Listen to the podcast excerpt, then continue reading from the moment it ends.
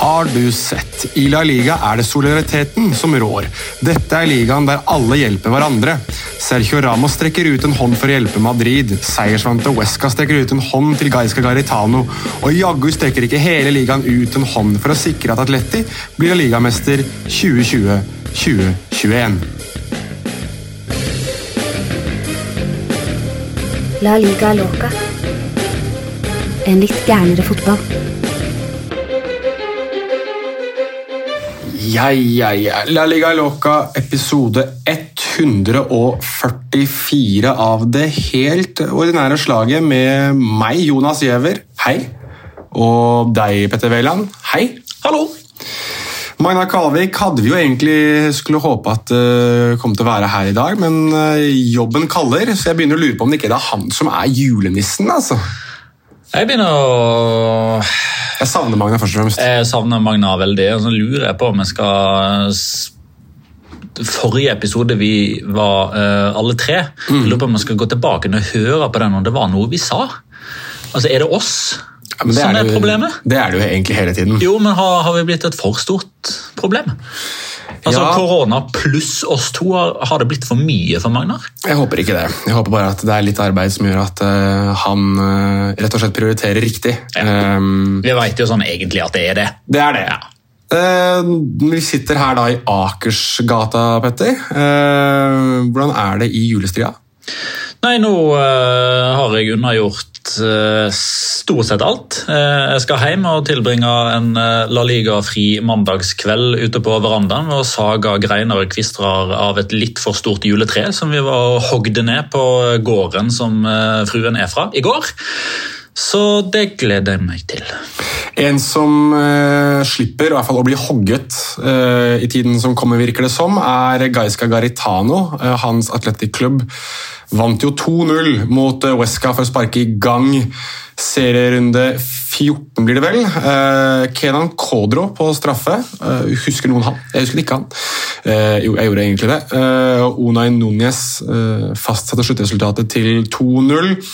Eh, dårlig kamp Atletic. Eh, Garcia-fotball omtaler Asta som nå. altså Garcia i det at Dani Garcia og Raúl Garcia har blitt eh, symptomane, hvis man kaller det det, på fotballen som eh, Atletic spiller. Gampefotball, vi kanskje kalt det. Ja, Raúl Garcia han sparker jo fotball. Ja. Eh, Det var jo også derfor han ble eh, Og det har vi jo ikke snakka om, eh, i og med at den kampen var en hengekamp som ble spilt forrige onsdag. Men vi har jo ikke snakka om den eh, tåpelige utvisninga til Raúl Garcia borte mot Real Madrid. To gull i løpet av det første kvarteret som gjorde at han var suspendert i denne kampen. her, Men det var ikke Dani Garcia. Eh, Han eh, løp jo rundt og gjorde det han eh, er best til, så lenge han fikk lov. Han ble bytta ut i pausen. Men det er egentlig byttene som på mange måter redder Gaisca Gaditano her litt. Jeg har jo vært ganske kritisk til Gaditano. Syns ikke han byr på noe særlig. Syns han er ganske kjedelig trener. Men æres den som æres bør. Her gjør han jo faktisk to bytter som i utgangspunktet er litt sånn Ok, du er så desperat, ja. Eh, Han tar jo ut Inyaki Williams og Iker Munyain på stillinga 0-0 hjemme mot Uesca når det er åtte minutter igjen.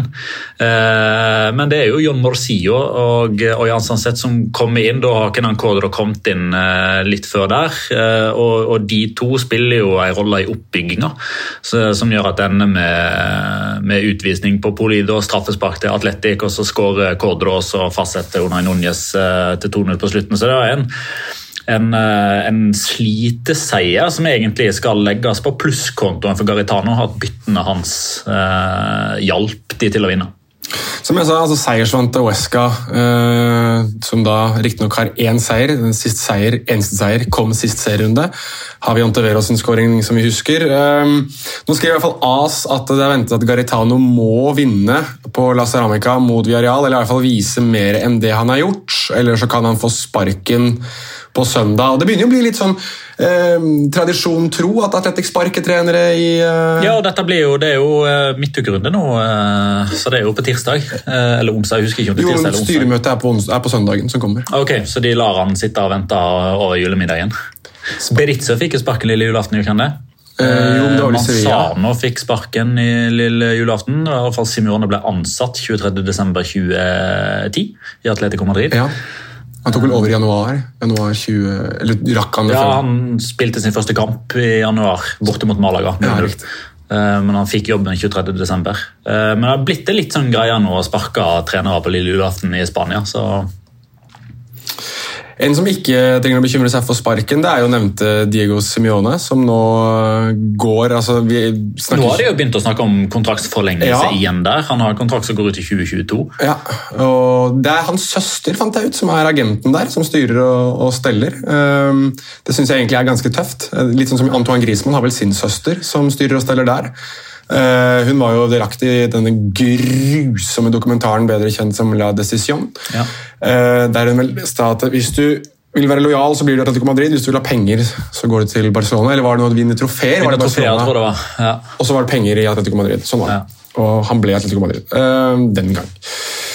Uansett, 21.12. spiller vi inn dette, og du sier jo da at desember 2010 så ble Simione ansatt. Så det er jo veldig interessant at ti år etterpå så har en helomveltning nå resultert i at de er suverene serieledere etter 3-1-seier mot Elche.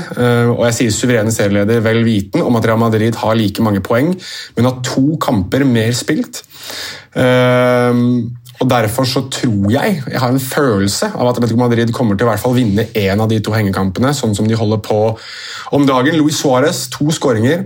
Dio Costa viser at han tydeligvis fortsatt vet hvor målet står, i hvert fall på straffespark.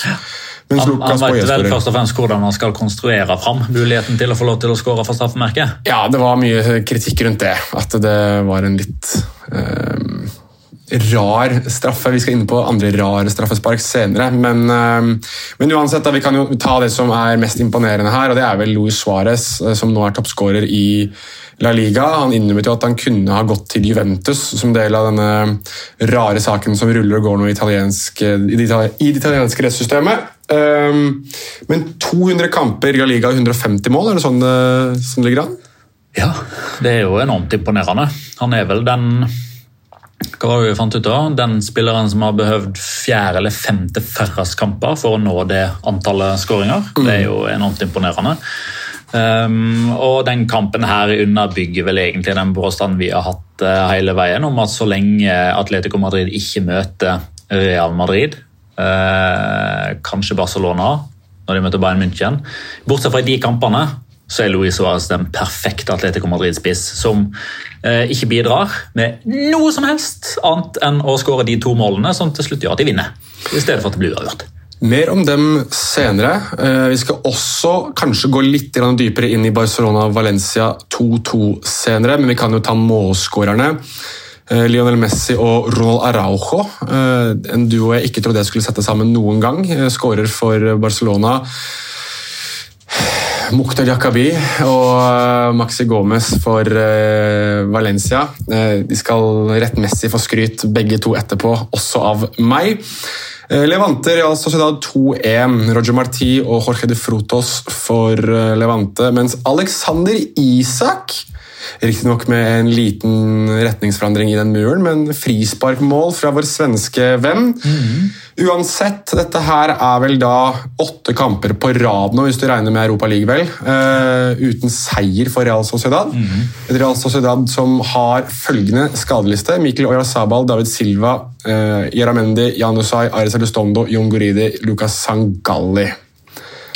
Det er tungt. Det er veldig tungt. Det er ekstremt tungt. Og så kan jeg også ta med det som nå har blitt et begrep i eh, San Sebastian, Silva dependencia. For med David Silva så har de syv seire, ett tap og én uavgjort. Uten David Silva så er det ingen seire, to tap, tre uavgjort. Det er ganske grim lesning. Det er ganske grim lesning. og så skal jeg nyansere bitte litt med å si at i, i, hvert fall i de siste kampene der David Silva har vært ute, så har jo det blitt opphøyd i at Oya Sabal òg har vært ute. Ja. Eh, samtidig som eh, han som på mange måter har vært den som skulle ta ansvar, og som har tatt ansvar sentralt eh, i midtforsvaret. Adit Sølvestånd har vært ute samtidig. De tre har vel stått, stått over nå mot, mot Napoli. Barcelona og Levante. Mm. Eh, og De holdt på å tape den første. Eh, William José utligna på eh, overtid. og Så tapte de den andre, kanskje litt ufortjent, og så tapte de egentlig helt fortjent nå mot, mot Levante. Så nå eh, er jeg litt spent på hvordan de klarer å, å reagere. Eh, fordi dette her var jo på mange måter make or break. Og Foreløpig så ser dette her veldig til å gå mot break. Eh, For nå er det Atletico Madrid hjemme på bitte lille julaften, og så er det Basca-derby. Eh, Så skal dere ha et lite Basca-derby mot Osasona, og så er det Sevilla på hjemmebane. Ja. Det er fire kamper som langt på vei kommer til å definere om Real Sociedad er kapable til å bli seriemester. Glem det. Ja, det er ferdig nå. Topp fire. Jeg syns nesten det virker akterutseilt. Vi har fortsatt åtte poeng, da. Eh, Ned til eh, Barcelona Nei, fem poeng ned til eh, Barcelona. Som har to kamper færre spilt. Ja, Det skal selvfølgelig tas med i betraktninga, men det er ingenting som tyder nå på at det blir de seks poengene man Nei. vanligvis legger til. Altså Hadde dette vært for tre sesonger siden, da, og alle sesongene før det, fram til 2009, så hadde man sagt at det er seks poeng for Barcelona. Mm. Det kan man ikke si nå lenger. Nei, jeg er enig. Det er verdt å ta med her at eh, Real Sociedad er eh, vel det eneste laget som har spilt eh, 15 seriekamper. Eh, De fleste av alle. Ja, Som er litt rart å si egentlig i en sesong, for du hadde jo håpet at de aller fleste skulle hatt så å si like mange kamper, men f.eks. Atletico Madrid, serielederen, har da tre kamper Ja, jeg, jeg, færre jeg, spilt. jeg får fortsatt vondt i huet når jeg ser på La Liga-tabellen. Det skjønner jeg veldig godt. Eh, De lagene som har spilt færrest kamper, er jo da eh, Sevilla og Atletico Madrid, som begge har spilt eh, tolv kamper. Og Elche. Og Elche, selvfølgelig. Eh, mens eh, Real Sociedad har flest kamper, med 15. Ja. Som sagt, De har 15 kamper da. Det er én kamp mindre spilt enn Real Madrid, som har tre poeng mer. Og det er tre kamper flere spilt enn Atletico Madrid, som også har tre poeng mer. Så jeg tror som sagt eh, de er nok akterutseilt når det kommer til eh, et seriegull. Eh, Men et lag som begynner å se bedre ut, er jo Levante, som eh, ja, Det var Paco Lopez kamp nummer 100 i, i La Liga eh, som Levante-trener. 36 seire, 24 uavgjort, 40 tap. Jeg tror Levante vant bare 18 eller 20 jeg, av de 100 i forveien. Husker du den som trente dem før Paco Lopez nå? Før Paco Lopez. Han Eh, hadde fire navn. Jeg husker ikke Juan Ramón López Muñiz. Ja, det tror jeg Moniz husker jeg. Ja. Det var ett av de her mange navnene hans. Ja. Og det var Grim fotball. Å ja. Å ja. Ja, ja, ja. Ja, ja, ja. Det er faktisk altså, Hogne, José Ignacio Martinez eh, klarte jo faktisk å få litt resultater med det, men det var jo, det var jo grimfotball, det òg. Altså, alle Levante-trenere har vært type grimfotball Mm. fram til Paco Lopez, som eh, jeg synes gjør at eh, altså, Jeg pleier som regel å se fram til å se Levante spille fotball, for de er dårlige bak og gode foran.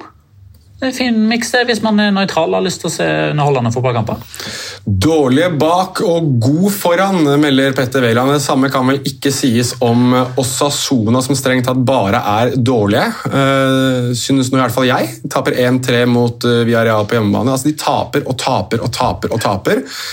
Uh, Gerard Moreno med to skåringer. Ferninho, som vi nå må kalle han. Uh, som vi har vel kalt Fernando Torres Ninho, Fernando Ninho osv. Det er nå blitt Ferninho med en skåring, og Roberto Torres med skåring på straffespark. Uh, Ferninho og Jeremy Pino, begge akademigutter som har fått sjansen nå. Så det er jo ikke bare signeringer da, for Una Emery og Viareal. Det er ungdomsakademiet som også får en sjanse. Uh, og Villarreal er litt sånn, jeg må si det, at de, de gjør det litt i det stille. De er gode eh, nesten i hver eneste kamp de spiller, men det er ikke noe sånn fanfarefotball. De er effektive, og de er ganske gode. Eller? Ja, jeg deler den uh, analysen der. Nå er, det, nå er det vel 17 kamper på rad uten tap. Eh, og jeg, håper jeg skal ikke gjenta for mye av det før, for jeg har sagt før at det er liksom noe som egentlig er uviarealsk. Å klare å gå så lenge uten å treffe et bunnpunkt. eh, grunnstøting. Den gule ubåten.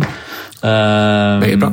eh, og dette, den, akkurat den seieren her ser ikke så veldig imponerende ut på papiret. Du fordi- trodde det skulle være tap her, du. ja, Du jeg, det, her, her var jeg helt sikker på at her ryker den ubeseira rekka. Fordi man sliter tradisjonelt sett i Pamplona.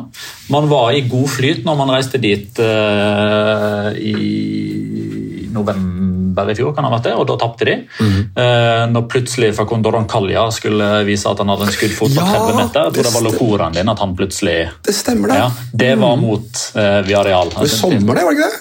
Nei, det var, nei, for jeg husker da var jeg på høstferie et eh, sted der det var snø. Så det må nok ha vært høsten uh, 2019. Ja, jeg, mener, jeg burde egentlig ha husket det, men det virker som en sånn god, gammel sommernatt. Denne Facundo Roncaglia begynner å skyte fra distanse. Men det som eh, var liksom ekstra inn mot den kampen her, var jo skadeproblemene. Mm -hmm. som har hopa seg opp for Viareal, i likhet med ganske mange andre klubber. Jeg kan komme tilbake til det litt senere, men eh, vi sendte Iborra ute resten av sesongen. Eh, Alberto Moreno er jo allerede ute for resten av sesongen med en helt lik skade. Alfonso Pedraza var ute med, med karantene. Moi Gomez var ikke i stand til å starte kampen. Paco Alcázar var ute. Carlos Bacca var ute. Francis Coquelin var ute. Som gjør at man må trø til noen nød nødløsninger. Mm. Eh, men nødløsningene er tydeligvis gode løsninger for Viareal, og er, der bærer man jo fruktene av et veldig godt eh, akademiarbeid over tid, som jo gjør at man kan sette inn på typer som Jeremy Pino og Ferninho, og så kan man hive inn på Alejandro Mian fra benken, og Moy Gomez har vi jo snakka om ganske mye i løpet av denne høsten, her, som gjør at man allikevel klarer å opprettholde et nivå som er høyt nok til at man vinner en i utgangspunktet ganske sånn kjip bortekamp. Mm. Uh, jeg var litt inne på det i stad, men kan du gi meg en grunn til at vi snakker mer om Osasona? Er det noen grunn, liksom? Nei, Nå må det i så fall være for at nå begynner jeg å lure på hvor lenge Adasate kan leve på de to foregående sesongene. Mm. Uh, altså det, det, som i, det, som nok kanskje redder han, som gjør at han kan spise uh, julemiddag i Osasona og Tøy, er jo at det er jo ikke mer enn tre poeng opp til Alaves, som er nummer 17, og de har en kamp mindre spilt. Så det er jo, altså Alarmklokkene begynner nok å ringe litt i form av at de har tapt fire strake og tatt ett poeng på de siste sju, men avstanden opp er jo altså Det er én seier, det ser de over streken. Ja. Um et lag som ikke trenger å bekymre seg for noe særlig med julemiddagsvarsel eller uh, alarm. Jeg tror jeg skulle med det. Uh, uansett, Valladolid uh, de gjør det meget bedre enn det de har holdt på med tidligere i sesongen. Altså, Raúl Carnero, greit nok, du kommer nok aldri til å se den en gang til, men 1-1 på Ramón Sánchez Pijuan mot Sevilla, det, det vekker oppsikt, syns jeg. Det gjør det. Så syns jeg egentlig hele det resultatet her oppsummerer La Liga per desember 2020. Oppsummerer i hvert fall Sevilla vel, syns jeg. Jo, men hør nå. Okay. Valladolid spiller jo en god kamp. En god andreomgang. Jo, men jo, ja, greit. De kunne godt kanskje ligget under med to til pause. Ja. Det er greit, for Da var, da var Sevilla bedre enn de. Ja. Men totalt sett så syns jeg ikke det er noe å si på at Valladolid tar med seg ett poeng. Eh, først og fremst kanskje fordi Sevilla er feige og legger seg bakpå og, så videre, og inviterer Valladolid inn i kampen. Men poenget mitt er at de spiller en god kamp. De tar med seg ett poeng fra Ramón Sánchez Pijuan. Det som har endra seg fra serierunden før til nå, er at de falt ned under streken. Ja, riktig. Så de tar et veldig sterkt poeng og reiser liksom derfra med ja, dette var bra. Premien er at de falt fra 17. til 18 og ligger under streken nå. Så jevnt eh, er det. og det er liksom, eh, La oss ta Valladolid. da. Mm. Eh, I et tenkt scenario da de hadde vært det første laget som spilte i kommende serierunde, hvis de vant den kampen, så ville de hoppa fra 18. til 10. plass med den seieren. Ja, det er rimelig spinnvilt uh, hvordan det har blitt. Sevilla er seks poeng over Nerik, liksom. Men jeg synes det er verdt å nevne her at, at uh, Sevilla de mangler jo åpenbart en klar goalgetter her. og Det syns jeg blir klarere og klarere. Ja, og men vet du hva det mangler enda mer? Kom igjen. En god Lucas Ocampos. Ja, det er jo en annen ting. Åh, jeg er så skuffa. Selvfølgelig basert på at han sjøl var så god i vår at forventningene blir deretter. En av de mest men, overbevisende utsagnene. 'Å, jeg er så skuffa'. jo, men altså, når Lucas og Campos holdt på i vår og i sommer, så ja, var jeg skikkelig glad av å se han spille fotball. Ja, vi var som begge to. Og jeg har lyst til å se han være god i fotball og være glad, men nå går han jo bare og sparker på reklameskiltet etter å ha blitt bytta ut. Ja, men det, Han gjorde jo det tidligere, men da var han jo god først, og så ble han sur for han ble bytta ut. Ja. Nå er det bare elendighet hele veien, egentlig. Ehm, men jeg vil gjerne gå gjennom et par tall som jeg synes er interessante. for Jeg lurte jo veldig på hvor mange mål er det Sevilla har skåret i år. De har skåret 14 mål i La Liga. Ehm, hvis du setter sammen antall skåringer Wissam Ben har skåret i Monaco og Louis Moriel har skåret i Ataranta, så får du tolv. De har skåret syv, altså Ben syv, Moriel fem. Det er begge spillere som Moriel ok, funket ikke så bra i uh, Sevilla. Ben Yedder var enestående i Sevilla, syntes jeg. Ja. Begge er solgt for litt varierte summer, Ja. men det er åpenbart at det er en sånn type de kunne trengt i det laget her. Ja, jeg vet det. Eh, Men eh, jeg håper å si eh, eh, dette, er jo, dette er jo kritikk. Men kritiserer du salgene av Beneder og Moriel, eller det at de ikke har henta en erstatter som har vært like god? Sistnevnte. Ok, ja, Da er jeg med. For Luke de Jong er ikke like god som Wissam Beneder eller Louis Morel. Vi har kødda mye med Luke de Jong, Ja, men han er ikke en goal-getter på det nivået her. Nei, det er han ikke, men, men det er liksom, jeg, jeg føler at jeg, jeg, jeg, håper jeg, jeg slår med knyttneven og så treffer meg sjøl når jeg diskuterer internt i hodet mitt om uh, typ fenomenet de Jong og Nesiri. For de skårer ikke mye, de gjør ikke det. De, Men de skårer viktige mål. men de skårer viktige mål. Ja, da er jeg enig. Men de skårer ikke nok mål.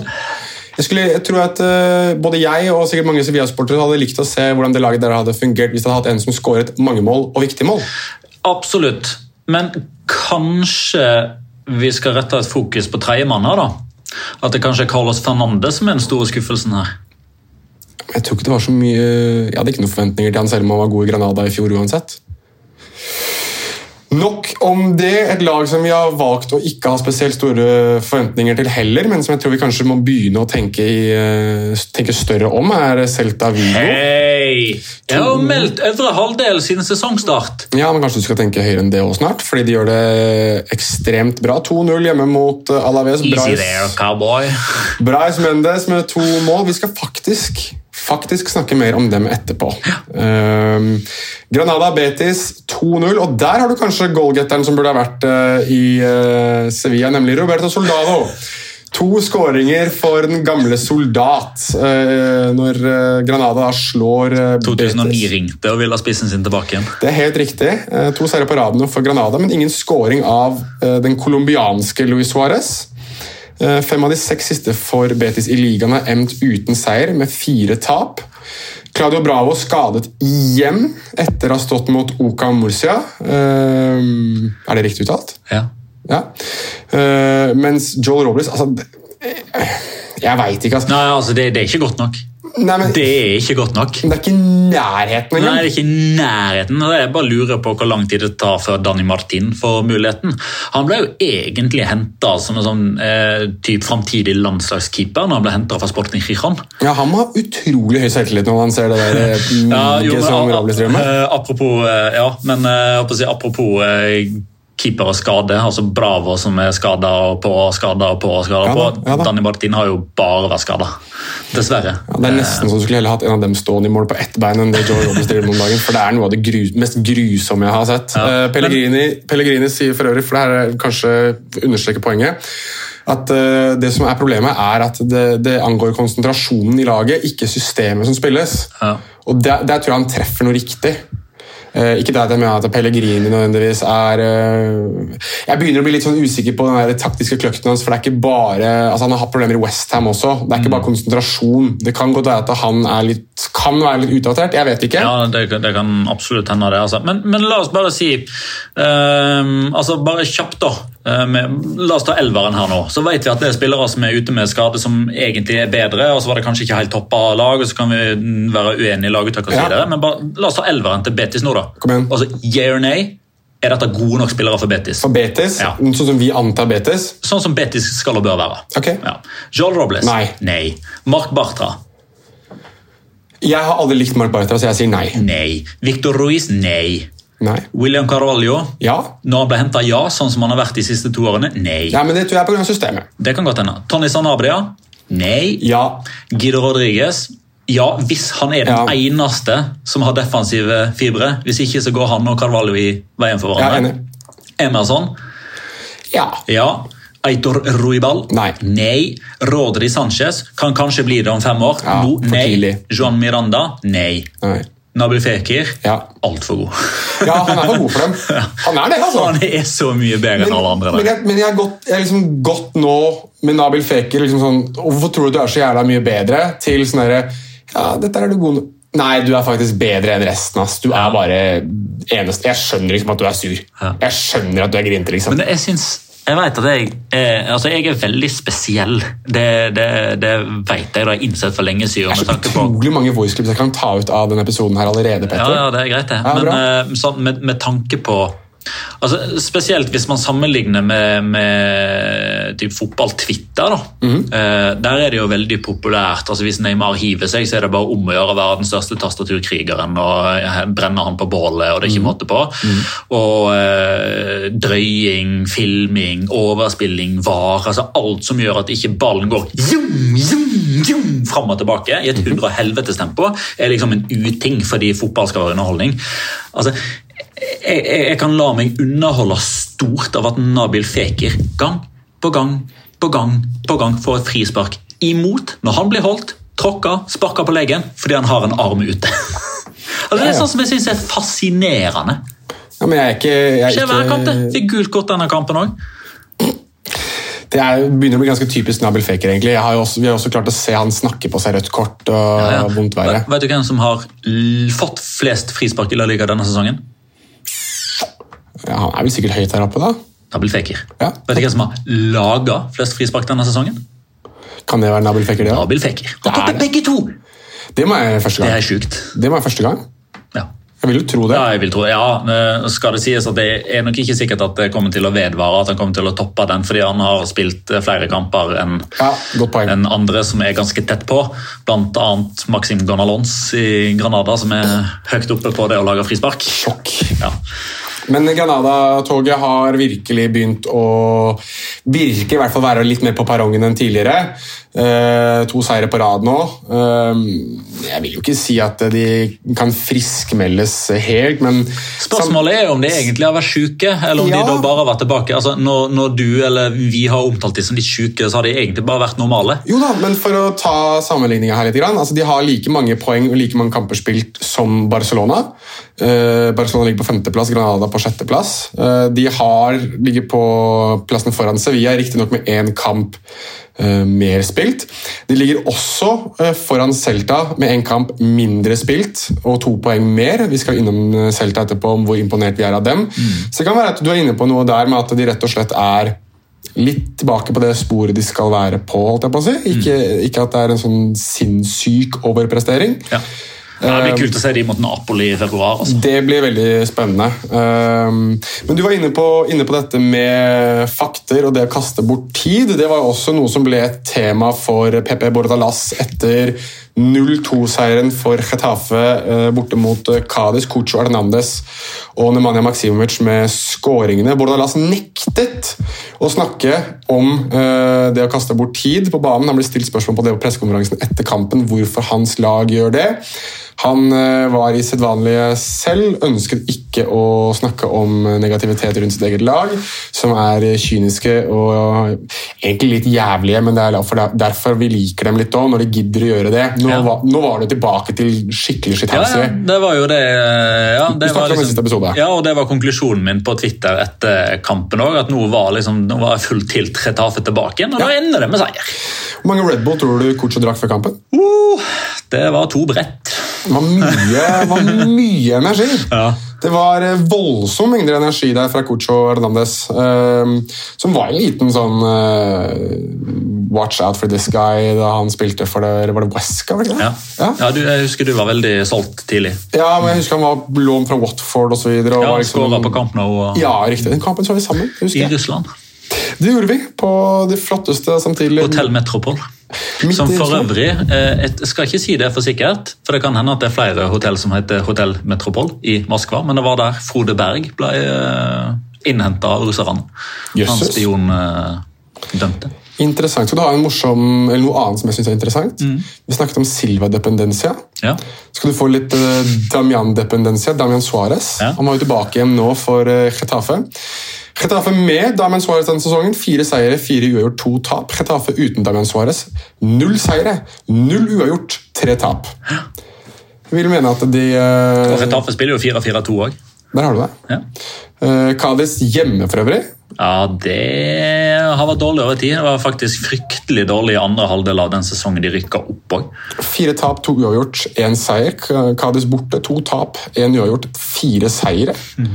Så tydeligvis så skal man ikke spille på hjemmebane hvis man er Kadis. Cádiz. Nei, men uh, Tror du ikke Kadis kan være den store vinneren av uh, vaksinering i Spania? Typ få folk tilbake på tribunen? Da du tenker på galskapen osv. på Ramone Caranza? Ja, trøkk og sånn. Altså, eh, jeg tror kanskje Kadis og Eibar er de to lagene. Altså, nå er det litt sånn åpenbart at enhver statistiker eller enhver som kan se tall, eh, kan se på hjemmestatistikken der og si at de sliter veldig. Men eh, Kiko Garcia sa jo òg det eh, etter Eibar mot Real Madrid, som vel er neste kamp, og som vi skal snakke litt mer om.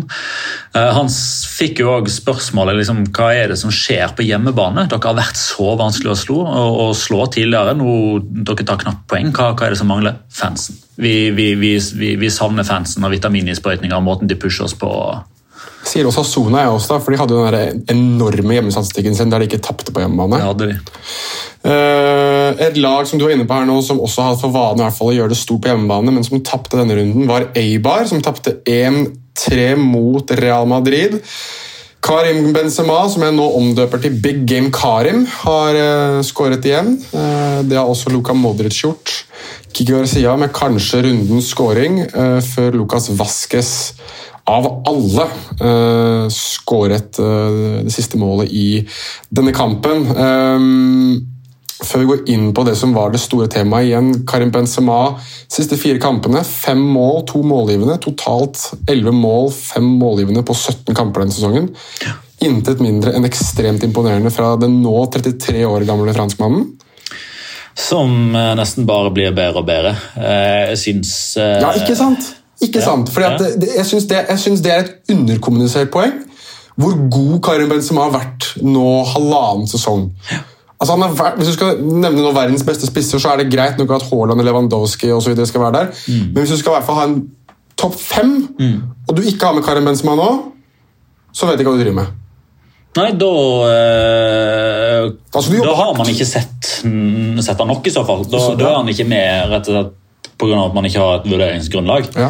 Uh, og det er jo ikke alle som har tid nok til å håper jeg, se nok til å kunne vurdere alle spillere på lik linje. Så det, det får nå være greit. men Vi ser på statistikken, det burde si sitt alene. Ja, ja, absolutt. Og én ting er jo tallenes klare tale, men tallene er jo objektive. og man, eh, håper jeg, hvis, hvis man utelukkende ser på tall, så kan jo alle typ, Hvis man har eh, fire spillere da, som har skåra ti mål etter 15 serierunder, så vil jo de i statistiske øyne være like gode, men så bryter man det ned litt og ser på hvor vanskelig de tingene man gjør underveis i kamp er.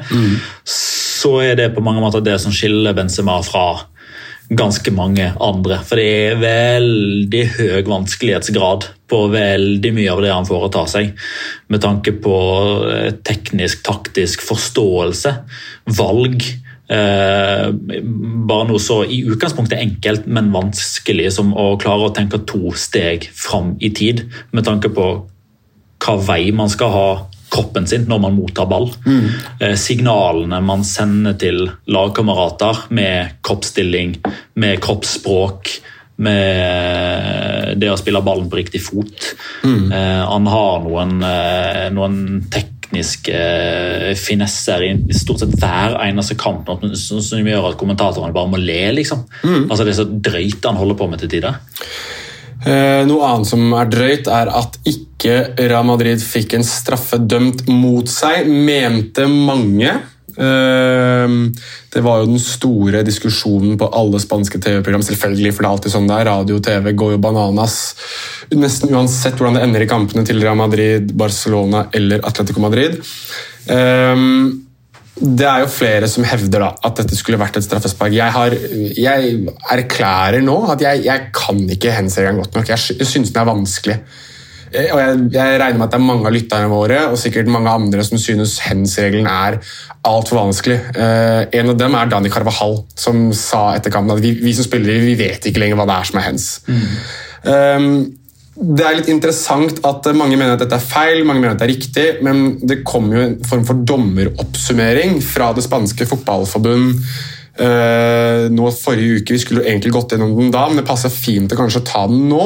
Der de har gått litt igjennom uh, resultatene etter bruk av VAR uh, i løpet av det siste året. Er det sånn det var?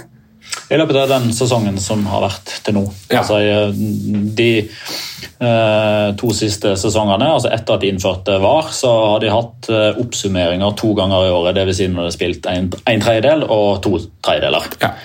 Eh, Da inviterer man eh, pressen inn. Det gjorde man jo da ikke denne gangen pga. covid-19-situasjonen, så det var en sånn eh, digital versjon der Et Zoom-møte. ja, der eh, Claus Gomez og Velasco Carballo, aka Berlin. eh, for de som har sett eh, Casa de Papel, satt og forklarte, og de var selv kritiske, i tillegg til at de la fram tall som underbygger det at de som regel har rett. Eh, nå må jeg jo bare si det at Før jeg liksom presenterer tallene, nå skal ikke dette være sånn eh, studie for matematikere og statistikere som gjør at resten faller i søvn. Ja.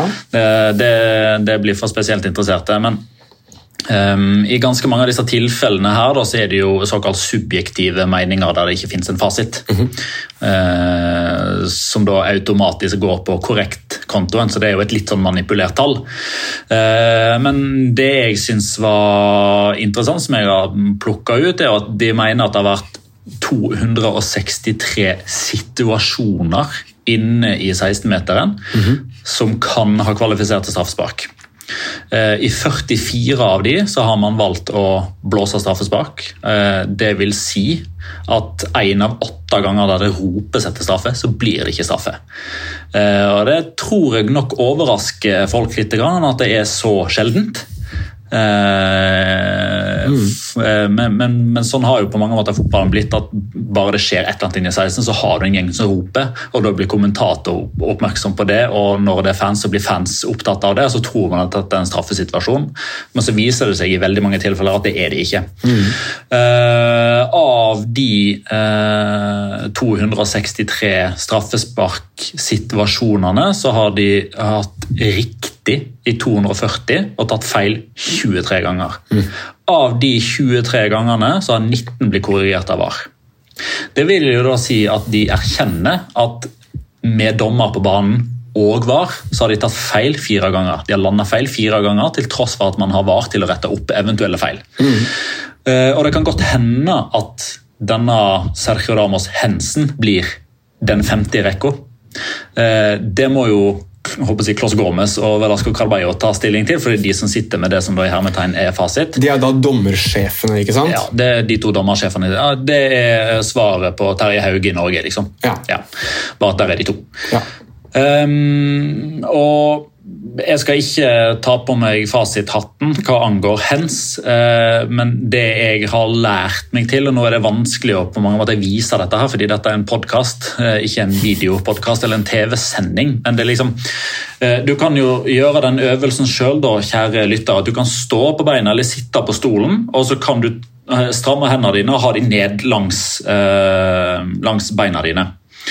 Eh, Og så tar du de sakte oppover. Løfter begge hender oppover. Og etter et visst tidspunkt så går det fra ikke straffbar hens til straffbar hens. Jeg kan jo fortelle at Petter eh, nå ser ut som en som holder melkespann i farmen. Altså, på, Riktig, og det, det er faktisk en veldig god forklaring. For når du er i melkespannposisjon eller høyere, da er det en straffbar hens. Sånn i utgangspunktet med tanke på naturlig posisjon. Ja. Og det er jo her det er jo den vurderinga som først dommer gjør der og da, som VAR gjør etterpå. Er dette en unaturlig posisjon? Gjør han kroppen unaturlig større? Ja. Og i det tilfellet der så er min mening, sånn som jeg har lært hands-reglene å kjenne, at det er ikke en unaturlig posisjon å ha albuen i. Nei. Når man hopper bakover, ser ikke ball, snur seg, eh, og armen er ja, den er ganske langt ut av kroppen pga. at albuen er spiss, vinkelen er skarp, men den er ikke så veldig høy. Nei. Eh, Derfor tror jeg de eh, lander på at det ikke er straffespark. Men dette blir jo altså sånne detaljer som kanskje ikke er så veldig spennende. sånn sett. Det jeg derimot syns var eh, interessant å merke, var at de mente at man i løpet av de første 13 serierundene hadde gitt 25 kort for lite. Eh, Og det er interessant eh, for oss som er glad i kortspill, eh, med tanke på over-under-linjer osv. Så, så 20 av de kortene er da kort som Alberola Rojas skulle ha delt ut. han har nok en god del av de, ja. Eh, det er noen som jeg har vært veldig dårlig på å Men en, en, en siste ting, Ja. og det er jo faktisk den aller viktigste. Det er at det har ikke blitt skåra ett eneste mål som har vist seg å være offside. og det har ikke vært en eneste filming som har ført til straffe. Men mener de i hvert fall, ifølge den rapporten sin. Ja. Det er litt viktig å si at det er en form for subjektivitet. Blant annet uh, Mathias at ATM12009 på Twitter. Det var et veldig vrient navn, men du skal uansett få med spørsmålet ditt. Han skriver hva skjer med dømmingen i La Liga denne runden? Tok dommerne juleferie litt for tidlig? Og da fikk man i hvert fall et svar på det. Uh, Martin Hellerud, uh, som da er det enkle brukernavnet Martin Hellerud, skriver husker at Viaplay Veland hva jeg spurte om før sesongen angående Lucas Vasques slash Marco Ascencio. Ja. Hvis så, gjerne diskutere litt om begge ut ifra hva man tenkte slash sa da, og hvordan ting ser ut nå. Skal jeg fortelle hva jeg sa? Ja. Eller skreiv. For dette var jo et Jeg regner med at du sa at uh, Lucas Vasques burde, burde selges eller noe sånt? da? Eh, Jeg skrev at det var et stillehav i forskjell eh, på kvaliteten og nivået på Marco Ascencio og Lucas Vasques. er Og dersom det viser seg at Lucas Vasques spiller fotball utover høsten, så er det fordi Marco Ascencio har skada kneet på nytt. Det har han jo heldigvis ikke gjort. Ja, det er greit. Han har jo rett og slett bare vært drita dårlig, godeste Marco Ascencio. Det er lenge siden han har spilt en god kamp nå. Eh, Men eh, ja, eh, jeg skjønner at spørsmålet blir tatt opp igjen nå. For nå har jo Lukas Vaskes vært god ikke bare i én kamp, men faktisk fire kamper på rad. Gladbar, Gladbach, Atletico, Atletic og nå mot Eibar, der han skåra sitt første mål siden februar. Men la meg jo da bare få gjenta det siste der. Han skåra sitt første mål siden februar. Så han har ikke vært så god så lenge. Men akkurat nå så er Lukas Vaskes i vinden. Eh, Og æres den som æres bør. Vi skal snakke opp de som har vært gode. Eh, Men jeg tror de aller, aller fleste fotballsupportere og Real Madrid-supportere Hvis vi kunne valgt en av de, hvis det er 50-50, én må gå, den andre får bli, så jeg tror Lukas Vaskes hadde blitt, eh, kommet dårlig ut der, selv om han er god akkurat nå. Tommy Welle lurer også da på hvorfor har dere så mange negative kommentarer angående Eibar og Mendelibar. Jeg synes de har en tydelig offensiv tilnærming til spillet. Raskt spill framover, høyt press og gjenvinning. Og jeg er egentlig litt enig i det, eh, men det oppsummerer så veldig at eh, spilleren vi to eh, i stor grad har snakket litt ned. Brian Hill har jo sett voldsomt bra ut for eh, Eibar. Han eh, Det, altså, det, er, det er Ja. Marco Correa 2.0. Altså, Ja, ja, definitivt. Og eh, det slo meg når han, han hadde et sånn sykt sånn Zidane-nedtak. Ja der han ikke ser ballen, men bare slenger opp foten etter å ha vendt i lufta. Det er liksom sånn Karate Kid-ode til Zinedine Zidane. Når den slowen kom, og han hadde hodet litt på skakke og håret flagra, så jeg tenkte litt sånn Hva gjør Harry Potter eh, på Eibar, liksom? Harry Potter og Eibar. Jeg skulle til å si Johan Cruyff i Eibar, fordi det håret minner meg litt om Johan Cruyff. Det litt Kan det være litt Luka Modric i Brian Trill der òg? Ja, Da må du i så fall svare på spørsmålet til Eirik Lieng også, om hvor gammel er egentlig Luka Modric? Nei, Han er jo nå inne i sitt tredje liv eh, og er 82 år, eh, så han er snart fire liv gammel. Det er, eh, det er greit. Eh, Skal vi kanskje ta for oss eh, Men han er god for tida, altså. Luka Modric? Ja. Eh, og, jo, jo, men vet du hva? Dette her kan Jo, syns du ikke det? Han er god, men jeg vet ikke helt om det er altså Jeg, jeg lurer på om, det om han tenker at det er så, så utrolig bra fordi han er så gammel. Eller om han er så god. Ja, men jeg tenker at En, en, en del av prestasjonen til Luka Modric er jo At han er så god selv om han er så gammel. Jeg er helt enig. ja, og at han klarer å holde seg skadefri. Ja, det er sant. Eh, og Det er spille nærmest alt, både for klubb og landslag.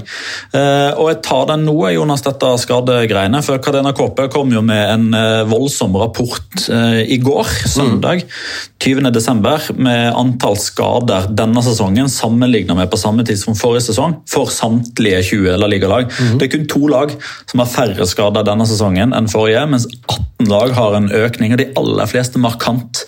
Det laget som har aller flest skader denne sesongen, det er Real Madrid. De har hatt flere skader enn de har skåra mål. De har skåra 22 mål i La Liga, de har hatt 23 skader. 16 forskjellige spillere. 17 av de 23 er muskelskader. Luka Modric en av få som ikke har vært ute med skade.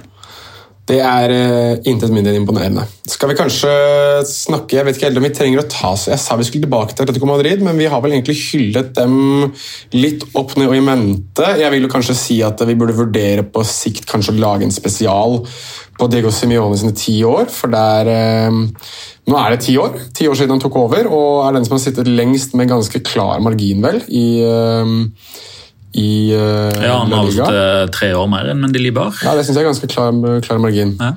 Uh, men en kamp som der, der er to trenere som mest sannsynlig ikke kommer til å sitte spesielt lenger. Den ble utspilt på Camp Nou mellom uh, Barcelona og Valencia, der henholdsvis Ronald Coman og Javi Gracia leder hvert sitt lag. 2-2 mellom Barcelona og Valencia. Maxi Gomez med seks mål på seks kamper mot Barcelona har på en måte blitt Barcelona-døderen i så måte.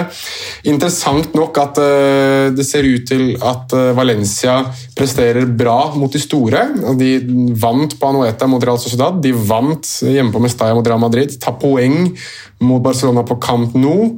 Uh, mens jeg syns det var noe spesielt at Barcelona velger å gå over til 3-5-2 mot slutten av kampen. her, og Koman bytter da inn Clamart Longlet. Uh, starter med ja, Mingueza Araujo. Um, altså, All honnør til uh, Magnar, som underveis her forsøkte å fortelle oss her hvordan Barcelona hadde stabla det laget sitt på, på, på, beina. for Mingueza var jo plutselig høyrebekk, og så var han en av tre stoppere. og Så var han plutselig framme som spiss. Så var han, litt, så var han på midtbane, så var Dest høyrebekk, og så var han høyre midtbane. Altså, Det var jo en, eh, en salig blanding av alt mulig der. Det virka nesten som at eh, ja, Kåman bestemte seg for at eh, nei, nå skal jeg bytte en Clement Longley, og så ja, får nesten bare se hvordan dette går. Ja, for det, det fikk meg til å undre litt på det spørsmålet til Jan André Mraz Hagen, som skriver for Koman fyken så snart det kommer inn en ny person som har mandat til å gjøre det. Han sitter jo allerede på lånt tid. og da tenker jeg jo det at eh, Hvis han vet selv at han sitter på lånt tid, så kan han jo strengt tatt sitte og kødde med laget og se hva som funker ikke. Det er litt sånn eh, ja. Throw everything at the wall and see what hits. Ja, det er, jo, det er, jo, nesten litt sånn. det er ikke langt ifra nå, syns jeg. Det. og, og, jeg synes, jeg må få sagt det, Rasmus Wold Ja, den var fin. Ja. Den var fin, Rasmus. Ja, Meget fin video av Rasmus Wold, der han rett og slett går gjennom liksom, Det er litt hån, åpenbart, av, av det Barcelona-laget, men Samtidig så uthever det jo et tydelig problem at det er et lag som er ganske nakent. Det er et profilløst lag, egentlig. Jo, men ja, ja han, han, treffer det så på kornet. Altså, for at det, eh, det kan godt hende at uh, på tiårsjubileet for Ikke for Simione, for det er nå, men tiårsjubileet for uh, Ikke for noen Koman, for det skjer ikke. nei, men uh, tiårsjubileet for denne konkrete episoden her, altså den 21.12.2030, så kan det godt hende at dette klippet her blir spilt av, og så ler vi godt, og så ha-ha, så feil vi tok. Men altså, ser du for deg et Barcelona-lag de neste ti årene som består av Serginho Dest, Ronald Araujo, Martin Breathwaite eh, Oscar Mingesa, Trincao, Pjanic. Et par av de jeg kan se for meg, ja. Eh, jo, men når alle kommer samtidig Nei, det tror jeg ikke. Nei, og, det, og det jo, jeg tror det er litt av, eh, litt av poenget til Rasmus. Ja da, som jo sånn, name-dropper ganske mange på forskjellig vis. For å vise at det er liksom ikke bare han ene der som er oppe og spiller fotball på et altfor høyt nivå. Eh, det er ganske mange som Altså, eh, En klubb som Barcelona skal egentlig bare ha én eller to sånne. Mm. Noe halve startelveren sånn, nesten. Mm. Uh, en som kunne kanskje passet inn den startelveren der, med tanke på hvor godt han leverer, er jo Carlos Soler. og Mathias Andreassen spør Carlos Soler en mann som fortjener et bedre lag, eller er han La Ligas svar på Bruno Penandes? Men da vil jeg vel tro at han snakker om at Bruno Fernandes skårer mye straffer. Ja, det gjør Carlos Soler òg. Ja. Så sikkert derav. Men spørsmålet er vel litt mer om han fortjener et bedre lag. Og jeg kan få svare på det. Ja. Ja, det gjør han.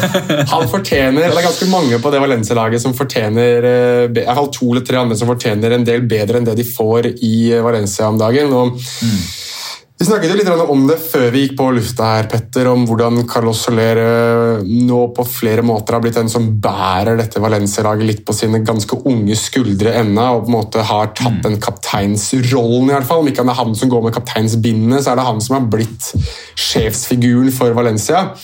Eh, og det har man jo kanskje ventet på i flere år at kommer til å skje. Nå er Parejo borte, så da er det kanskje enklere for ham å gjøre, men, men definitivt. Og, og jeg, jeg, synes at det, det Valencia-laget i sum ser ganske gode ut. Jeg er mot Barcelona, og så vet man ikke om det er fordi Barcelona er så mange hakk dårligere og gjør at Valencia kan se bedre ut, eller Valencia som hever seg til de store kampene. Jeg velger å tro at det er sistnevnte.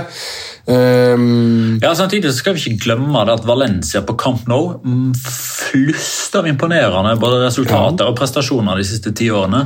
Mm. Jeg lurer på om det er sjette gangen og på de siste åtte av kampene at Valencia skårer to mål på Camp Nou. Det er det laget som skårer flest mål på Camp Nou sammen med Real Madrid. og Det er, liksom, det er et hav ned til tredje lag. Det bevares. Fantastisk bra. Diakabi som Må jo si det, da, at på den corneren der at ingen dekker Diakabi. Altså, Griezmann gjorde jo det i begynnelsen, og så var det en sånn liten ja. bitte bitte liten sprint fra Diakaby, og så var jo Griezmann borte. så Han er jo åpenbart fastlytter av La Liga Locca Jeg tenkte han der kan få lov til å gå alene. Ja, riktig. Ja, så... Uh, for øvrig shouta til Antoine Griezmann, som hadde de gode, gamle da, Greta Thunberg-flettene i kampen mot Real Sociedad. Oh, den var ille! Ja, det er, jeg er kanskje den som legger mest merke til hårsveiset, men der tror jeg vi alle la merke til det. Han, det er Locora i seg selv. Ja, han forklarte jo en av disse feiringene med at han gjorde det for dattera si. Sveisen må jo ha vært et eller annet fordi dattera hans ba om det. Du må jo nesten håpe på det, da. Ja. Ja, da, det, da, da, kan jeg like det. Ja. Da er det sånn Hei, Grismann, tommel opp. Men Nå finner vi i hvert fall ut om å høre på La Liga Loca, man kommer med en uttalelse rundt dette.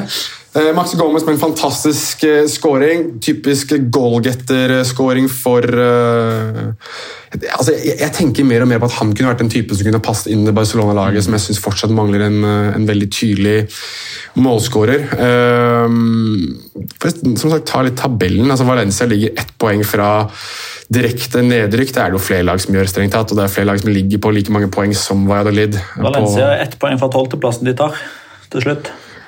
Det er de òg. Eh, ett poeng fra ellevteplassen er det for så vidt også. Eh, og også ett poeng fra 18.-plassen, som vitner om hvor tett det er. Barcelona, som har eh, seks poeng mer enn dem, ligger på femteplass i La Liga. Så da vet vi hvor tight det er. Um, føler at det er noe mer å ta ut av en kabel. Lionel Messi, 643. Eh, ja. Tangerer Pelé som da de to spillerne som har skåret mest på klubblagsnivå. Ja. Altså, for, for, respektive klubb, da. Ja. Fiffig måte å få ned antall eh, prosent eh, mål som har blitt skåret for straffemerket, da, kontra etablert spill. Det er bare å bomme på straffen og skåre på returene.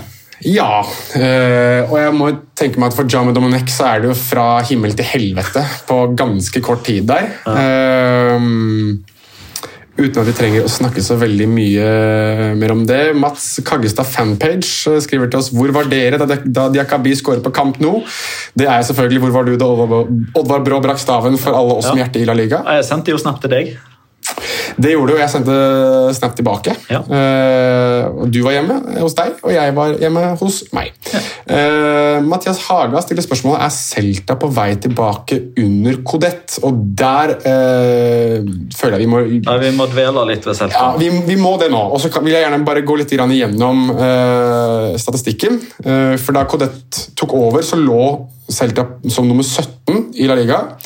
De lå på syvendeplass etter eh, å ha vunnet mot eh, Alaves. Nå ligger de på åttendeplass. Fire strake seire i La Liga. Vi må tilbake til 2013-2014, sist gang det skjedde. Da het treneren Luis Enrique. Han trener nå det spanske landslaget. Eh, de har 13 skårede mål på fem kamper, i La Liga riktignok. Fem innslupne. De har ikke sluppet inn mål på de tre siste kampene. Det er altså noe av det mest spinnvilje jeg har sett fra et fotballag som ikke har byttet mannskap overhodet. Altså, det er ingen nye som har kommet inn. Det eneste nye er en trener som har gitt laget troa på det de driver med. Mm. Eh, veldig god til å breie ut banen med det at eh, Tapia faller ned i oppspillingsfasen, som gjør at bekkene kan gå så bredt de bare ønsker, Olasa og Mayo. Eh, og, altså, og, selvfølgelig det å få Jago Aspas til å fungere. Syv mål og fem assist. Eh, så langt denne sesongen. Og da er jo spørsmålet eh, Sid Lowe var litt inne på det på Twitter, men Jago Aspas må jo være den beste spanske spilleren i verden. Uh, ja, det Akkurat nå? Ja, Jo, absolutt. Akkurat nå, den beste ja, spanske ja, spilleren. akkurat nå så er han den beste spanske spilleren. Ja, jeg bare kom til å tenke på om jeg hadde belegg for å si det. Eh, Det tror jeg du har, altså. Jo, men eh, med tanke på min egen del, fordi eh, i disse eh, avslutningsdagene av et år så er det jo populært å komme med sånne kåringer. eh, Topp 50 og topp 100 og sånn. Og ja, jeg mener at det var Jago Aspersen som var den høyeste jeg hadde der. Så ja, det kan jeg faktisk stå inne for òg, i dobbel forstand. Jeg, jeg lurer på om ikke Den gangen jeg avga noen stemmer, så var ikke Kodett ansatt som trener i Celta. Som gjør at eh, Aspas har da føket opp på den rankingen hos meg. Ehm, men, men fortell litt, Petter. Altså, hva er det som har skjedd her? Nei, altså For å bare ta det vi snakker om nå, da, for å liksom eh, ikke skrinlegge Aspas, men for å hylle han enda litt mer. Bare for å komme med, med litt eh, et, et forsøk på å beskrive hvor god han er. Altså Han er 33 år gammel, det skal vi heller ikke glemme. Eh, Jeg syns det er litt ekstra imponerende, spesielt hvis en 33-åring gjør dette kontra en 26-27-åring som er i sin beste alder. Iago Aspas er den spilleren i La Liga som har skapt flest målsjanser denne sesongen, med ti. Han har slått flest målgivende pasninger sammen med Karim Benzema og jeg lurer på om Kieran Trippier og er på topp der nå, med fem. Yes, ja. Eh, han er den som har slått flest nøkkelpasninger med 34. Der er han soleklar nummer én. Han er nest mest skårende. Han har kun Gerald Moreno foran seg. Og han er den, han er den eh, tredje spilleren med flest driblinger i La Liga, bak Messi og Feker. Eh, bare det å være liksom på, i nærheten av toppen på en eller to av de hadde liksom vært bra for en Celta Vigo-spiller. Men han er liksom topp tre på de fem. Og Det er de fem viktigste parametrene for å måle hvor effektiv og god en spiller er offensivt. Ja, og så vil jeg, jeg vil ta med, Vi skal litt inn på han etterpå, men jeg, jeg vil også gjøre, den spilleren som jeg tror gjør at han kan få til de tingene han gjør nå, er Renato Tapia. Jeg, snakker, jeg skryter selvfølgelig av meg selv. Jeg snakket jo om at jeg tenkte at dette her var en stjernesignering i form av at han kommer til å gi Celta-laget nøyaktig det de trenger. i det at Han er en det jeg liker å kalle en grøftarbeider i disse dager, som ikke lov til å bruke rivjern, for det er jo ganske grusomt å si. eh, tydeligvis. Men han er en grøftarbeider, og, og det som vel Erik Cantona kalte Didier Deschamps, en vannbærer. altså Han gjør mye drittjobben. da. Eh, og det gjør han jo også for Celta, men han gjør det også på en sånn måte at det er ekstremt eh, effektivt for laget. Altså, han, han gjør de smarte valgene. Han kan gjøre de litt mer ekstravagante valgene òg, men han trenger ikke det. For han vet at eh, foran i banen så har han Dennis Suárez, han har Brais Mendes, han har Jago Aspas som kan gjøre de tingene for ham. Men han, så han skjønner sin rolle i laget kanskje bedre enn noen annen i det Celta-laget. og jeg tror at han sammen med Aspas er den mest uvurderlige spilleren for Chacho Codet. Um, og så tror jeg rett og slett at Codet ja, Man ser jo at han er jo en karismatisk type. Glad i å stå på sidelinja, ule og skrike, og hoppe opp og ned. og Minner litt om Diego Simione ved faktene sine. Uh, og jeg tror det smitter veldig over på laget at de har en trener som er så energisk. der Oscar Garcia var veldig mutt. og jeg må få sagt det som ikke er trener lenger. Han så ut som han ble tjukkere og tjukkere for hver eneste gang han satt på benken. Eh, som en kar som eh, er glad i å gå opp og gå ned i vekt sjøl, så kan jeg fint si det. Ja, ja. Mens Kodett må jo gå ned i vekt, for han er så energisk. Ja. Eh, og jeg vet ikke om det gir spillerne litt mer, da, i det at de har en trener som virker så entusiastisk ja. overfor det de driver med. Og så tror jeg at det har vært veldig viktig for altså Nå slår jeg inn en åpen dør, men det har vært veldig viktig for KDS å komme godt i gang. Fordi han har et veldig sånn klart tankesett og en veldig sånn klar og definert måte å lede lagene sine på. Det, det kom jo rapporter fra han ganske tidlig om at dette er en trener som altså Du, du kjente jo til han, at han spiller 4-1-3-2, og han spiller sånn og sånn og sånn. og sånn. Eh, Og det har han nok forklart å selge inn ganske tydelig. og Det budskapet har nok nådd fram. Jeg tror det faktisk nådde fram allerede i den første kampen der de tapte. For da spilte de veldig mye bedre fotball enn hva de hadde gjort i de kampene i forveien. Altså, eh, Oscar Garcia måtte jo gå etter at de hadde sju eller åtte kamper på rad uten seier. Ja, Eh, og Så kom jo Kodet inn, trente laget ei uke, men fikk ikke sitte på benken fordi papirarbeidet var liksom ikke helt i orden, så de tapte 4-2 borte mot Sevilla. De er jo ubeseiret med Kodet fysisk på benken. Ja, nettopp. Eh, og samtidig så er det sånn Um, ja, og i forlengelsen av denne likheten med Diego Simione. Altså, Diego Simione har jo skapt et mannskap som er så satt i form og fasong og struktur at Kåke kan spille sentralt på midtbanen og han kan spille ute til høyre. Thomas LeMar kan være spiss, han kan være venstrekant. Mm. Joe Felix kan spille flere forskjellige roller. Mariano Mosso kan være stopper og venstreback. Altså, ganske mange spillere som kan løse forskjellige roller fordi alle kjenner til enhver oppgave. Mm. Eh, og litt det samme får jeg følelsen av nå. fordi Kodet kom inn, han satte en elver. Han bestemte seg for at dette er elveren min. Og så justerer jeg ut ifra uh, selvfølgelig prestasjoner, men skade og karantene. Altså, mm. Han kjører Robben Ruben Blanco i mål. Så har han Ogo Mayo på høyrebekken, Lucas Olasa på venstrebekken. Og så er det de to av tre stopperne som er i best form, eller som er tilgjengelig av Morillo, uh, Aido og Araujo to av de tre spiller. Så er det Tapia, som er bindeleddet mellom forsvar og midtbane. Og så er det Dennis Suárez. Og så er det Breis Mendes. Mm, mm. Noen ganger Fran Beltran. Uh, noen ganger Nolito.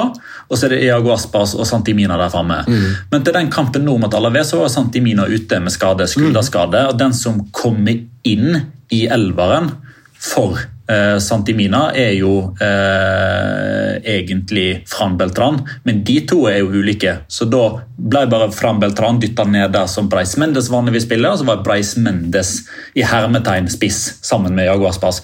Og to. Og Breis Mendes er ikke spiss i utgangspunktet, er ikke i nærheten av å være det, men han behersker det veldig bra, fordi allerede nå så vet Breis Mendes hva jobben hans er i den rollen, mm. fordi det er så klar og tydelig på hva som faktisk er hans rolle. da. Mm. Ja, det er ekstremt imponerende. Uh, I tillegg så synes jeg det er interessant å se at de spiller en formasjon der bekkene er de eneste breddeholderne. Altså, det er ikke noe dobling på kamp. det er Alle baller skal kjapt inn sentralt, der du har hvis du, hvis du tenker da 4-1-3-2, så er det de tre på midten bak de to spissene er jo egentlig nesten offensive midtbanespillere tidvis. fordi at uh, Tapia skal egentlig bare spille den ballen kjappest mulig, enten ut på kant eller til den ene som er nede og henter.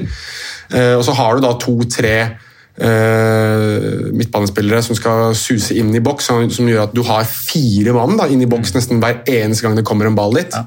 Det er helt spinnvilt å se på. Ja, og på den måten så skiller jo Celta Vigo og Kodet seg på. Altså, vi, vi snakka jo om det i både oktober og november, med at nå er det ganske mange av samme art av trenertyper i La Liga som er ganske like. Så jeg tenker at kampforberedelse og analyse og taktisk gjennomgang av motstander har egentlig vært ganske like for eh, altså wild card opp her, du trekker Granada på potten. altså Når de skal møte eh, typ eh, ti lag da, i La Liga, så er det ganske små nyanser som skiller kamp 1 fra kamp 4 og kamp 5 fra kamp 8. For det er egentlig ganske mange lag som spiller etter det samme grunnprinsippet og, uh, og, og, som ønsker å framstå på samme måte. Det er ganske mange lag som er ganske like, mm. men nå er Celta Vigo det laget som skiller seg ut, og det har ikke motstanderne på noe som helst vis klart å finne ut av det ennå.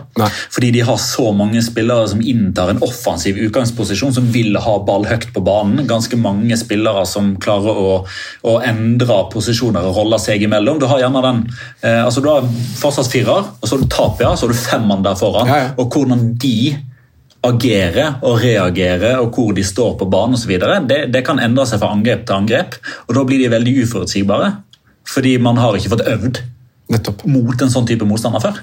Det interessante nå blir jo På lille julaften så får de jo Getafe mot Celta, som da blir den nye Simione mot den nye Simione. I det at uh, Pepe Bordalas ble jo hyllet som den nye Simione i form av at rigid 4-4-2, hardtarbeidende, uh, defensiv først 1-0-kamp over. Mm. Mens vi nå har jo eh, egentlig uthevet Chacho Codet som en type som har mye simionsk ja. i seg, han nå. På en annen måte. På en helt mm. annen måte. Dette blir jo spillestilskrasj de luxe. Som er interessant i tråd med det at dette er kampen der vi snakker om to trenere som egentlig slekter på en helt annen trener som tydeligvis har gått såpass mange runder med seg selv som trener selv da, i Simione.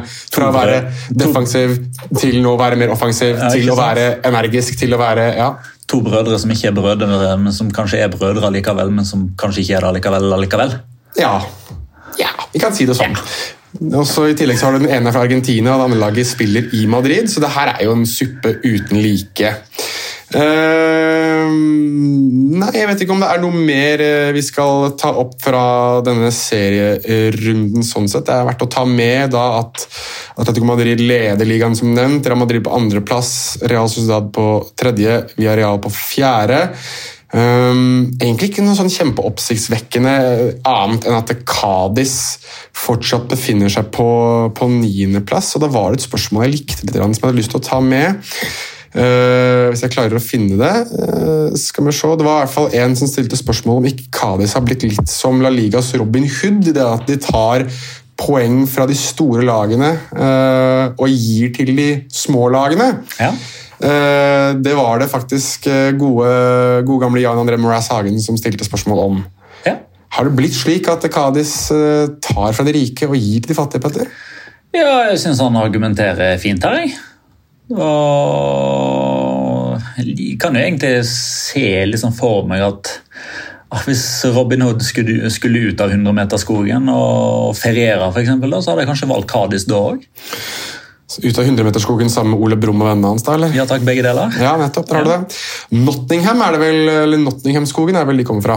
Eller et eller annet sånt. nå. Er det det? 100-meterskogen med Ole Brumm. Ja. Anyways, nå er vi såpass langt inne i Bizarro at vi kan like gjerne gå over til Locora! Eh, jeg tar den først, jeg. Ja. Eh, du har jo nevnt det som skjedde i episoden, men ikke hva som var spesielt med det. Ok, Frisparkskåringa til Alexander Isak. Riktig. Eh, Det var ikke spesielt at det var en svenske som skåret, eller at den gikk via muren, eller at det var Eitor Fernandes som slapp den inn. Det var rett og slett bare det at det var en frisparkskåring i det hele tatt. Etter 113 kamper på rad, uten frisparkskåring i La Liga, så satt den. Ja, ja, ok. Du kan, kalle, du kan godt si at den satt, men det ja, som du sier, det var en retningsforandring. og det som var. den Eh, satt. Men er det nok retningsforandring til at eh, Eller er det for lite retningsforandring til at eh, Alexander Isak får skåringen? Graden av retningsforandring har ikke så mye å si. Det som skiller Men det var den på mål? Ja, Var- ja det var det. Ja. Det var det jeg skulle fram til.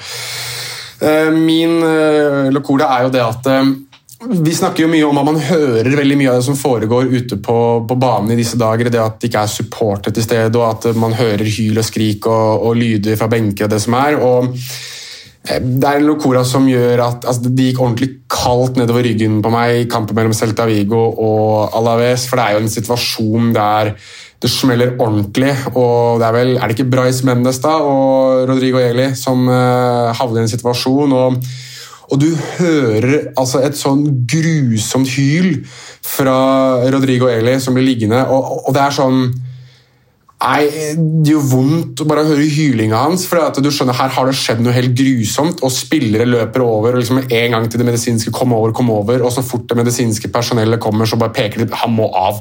Få han av, liksom. Og alle skjønner at det er noe alvorlig, og han ligger og hyler. altså sånn Nei, helt panisk hyling, da. Og nå er det vel blitt bekreftet at han har tatt noen, eh, noen korsbånd i det samme kneet han har tatt korsbånd i før. Uh, sesongen er vel da etter all sannsynlighet over, med mindre det skulle være et lite mirakel som skjer for Rodrigo Elis en del. Men, men det negative, da, med det at, eh, eller mange negative, men det at man kan høre så mye på, på de ulike stadionene, er eh, ting som det som gjør at det går ordentlig, ordentlig kaldt um, nedover ryggen min.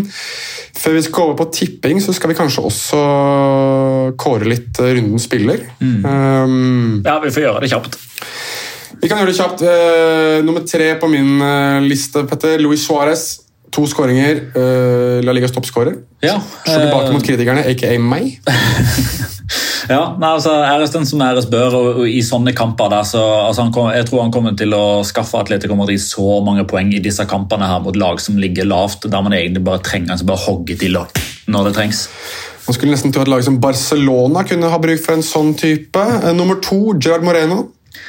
Ja, Blei Ble vi enige om eh, hvem han passerte og hva posisjon han har? Nei, Vi veit ikke, men han har passert noen. Han har passert Santi Casola, i hvert fall, Ja. antall skåringer i La Liga. Ja. Eh, og Nå er han vel oppe som tredje mest skårende i klubbens historie, bak en Adriano Garcia som skåra mål i lavere divisjoner på 90-tallet. Altså så jakta han Giuseppe Rossi.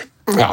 Eh, nummer én, vi var inne på han. Og her skal jeg være såpass ærlig og si at jeg har kuppa førsteplassen her, og det er eh, eh, peruanske Renato Tapia. Altså, han kommer aldri til å være på den lista her noen gang, uansett. Men han var altså så dominant i den kampen her for eh, Celta Vigo. Jeg synes at han har så langt vært den beste signeringen av noe lag eh, før denne sesongen. Uh, ingen som trenger å Kommer Kom gratis. Kom gratis, og du trenger ikke å prøve å finne noen annen spiller for meg sånn som de har spilt de siste kampene. Altså, han har vært helt, helt, helt enestående. Jeg hadde en feeling på at han kom til å bli veldig god, men han har eh, passert de forventningene også. Gjør drittjobben, får andre til å stråle og uh, ser ut til å være helt essensiell i det som virker å være et veldig spennende Chacho Codette-system. Uh, og så er det jo da dette jeg hater mest av alt i løpet av disse episodene, det er tipping. For dere vet jo allerede at jeg er jo grusom. Men vi var alle grusomme eh, forrige uke, for da hadde vi Barcelona mot Valencia, som endte 2-2. Der tippet jeg 3-0 med Lionel Messi som første målskårer. Det er null poeng på meg. Og Jeg hadde 5-0 og Messi, så null poeng på meg. ja, helt riktig. Jeg har tre poeng, du har 14 poeng. Magnar hadde også 2-1 med Lionel Messi. Det hadde han null, han har 12. Skuffende at ingen calla Diakavi første målskårer der. altså. Nå må vi opp i ringa. Jeg skulle gjort noe sånt, bare for å jinxe dem. Da hadde han- jo ikke skåra. Uansett. Eh, neste kamp er Real Sociedad mot Atletico Madrid, som spilles på bitte lille julaften. eh, Magnar har jo igjen sendt inn sine tips. Ja. Han har tipset Men eh, kan, kanskje han skal få ta til slutt, da, for han blir jo ikke påvirka av hva vi sier. Det kan hende vi blir påvirka av hva han sier. Jeg har allerede skrevet mitt, men du kan godt ta ditt først. Ja. Eh, Real Sociedad 1, Atletico Madrid 2. Første målskårer eh, tror jeg kommer til å bli Luis Suárez. Du sier Luis Suárez. Burde kanskje skrive dette etterpå. Uh, 1-2 Suárez. Skal vi se Jeg har da 0-1. Altså Atletico Madrid vinner 1-0. Marcos Llorente. Og Magna har Han er 1-2 og Marcos Llorente. Så det er en fin miks Ja, ja, ja. av eh, alle tre her. Litt sånn remiksa remixa utgave. Ja. Um, Blir det 0-1 og Suárez, da?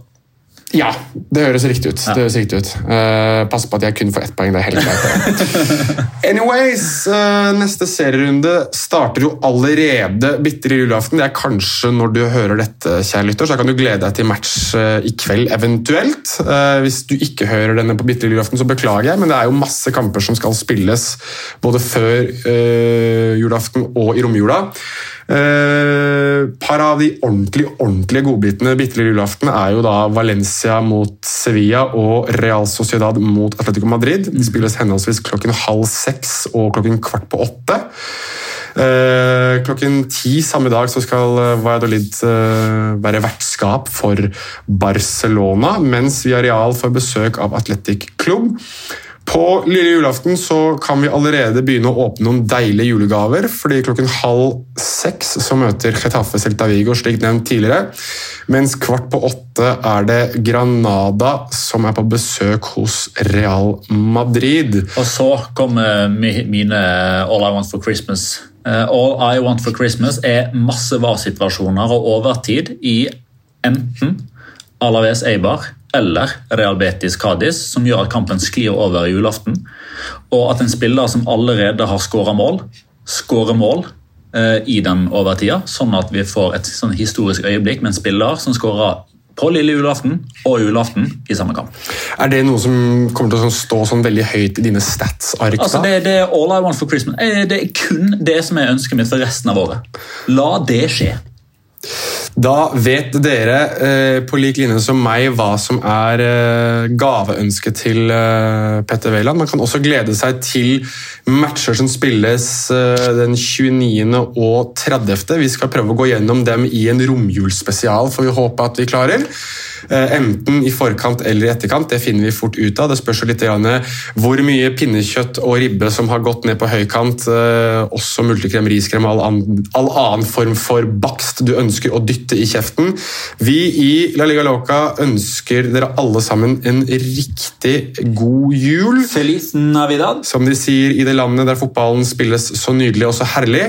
Og så høres vi etter at da øh, julenissen har vært og levert de herligste gaver både på og utenfor banen. Ha det bra!